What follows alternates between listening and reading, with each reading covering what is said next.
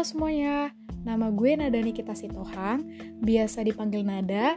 Gue dari program studi farmasi Institut Teknologi Sumatera, angkatan 21. Salam kenal semuanya. Di sini gue mau ceritain tentang plan mahasiswa di masa depan. Ngomong-ngomong tentang masa depan, gue dari kecil udah bikin planning loh.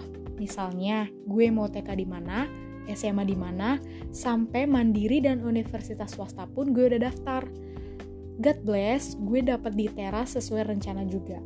Jadi ngomongin tentang masa depan, gue sudah punya sejuta planning nih. Gak sejuta juga kali ya, beberapa planning deh intinya. Tapi terkadang planning gak sesuai kenyataan, jadi gue harus punya planning cadangan.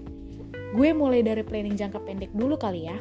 Sebagai mahasiswa yang paling gue pengen, ya lulus semua mata kuliah.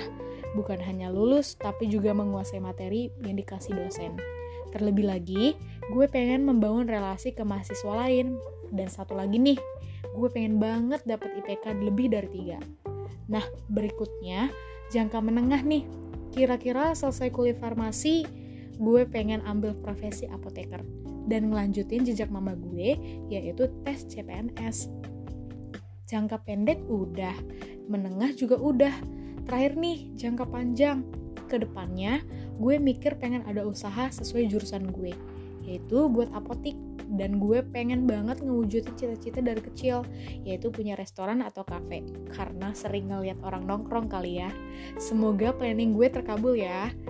Terakhir, gue makasih buat semua yang udah dengerin. Gue mau kasih semacam quotes nih di akhir bermimpilah dalam hidup, tapi jangan hidup dalam mimpi. Yang artinya kalau lo punya mimpi and planning tanpa ada usaha, itu sama aja nol. Itu aja dari gue. Makasih semuanya. See you next time.